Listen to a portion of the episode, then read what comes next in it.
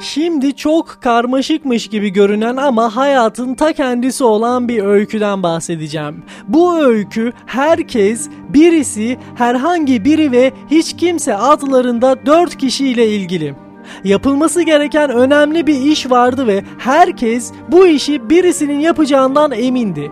Birisi bu duruma sinirlendi. Çünkü iş herkesin işiydi.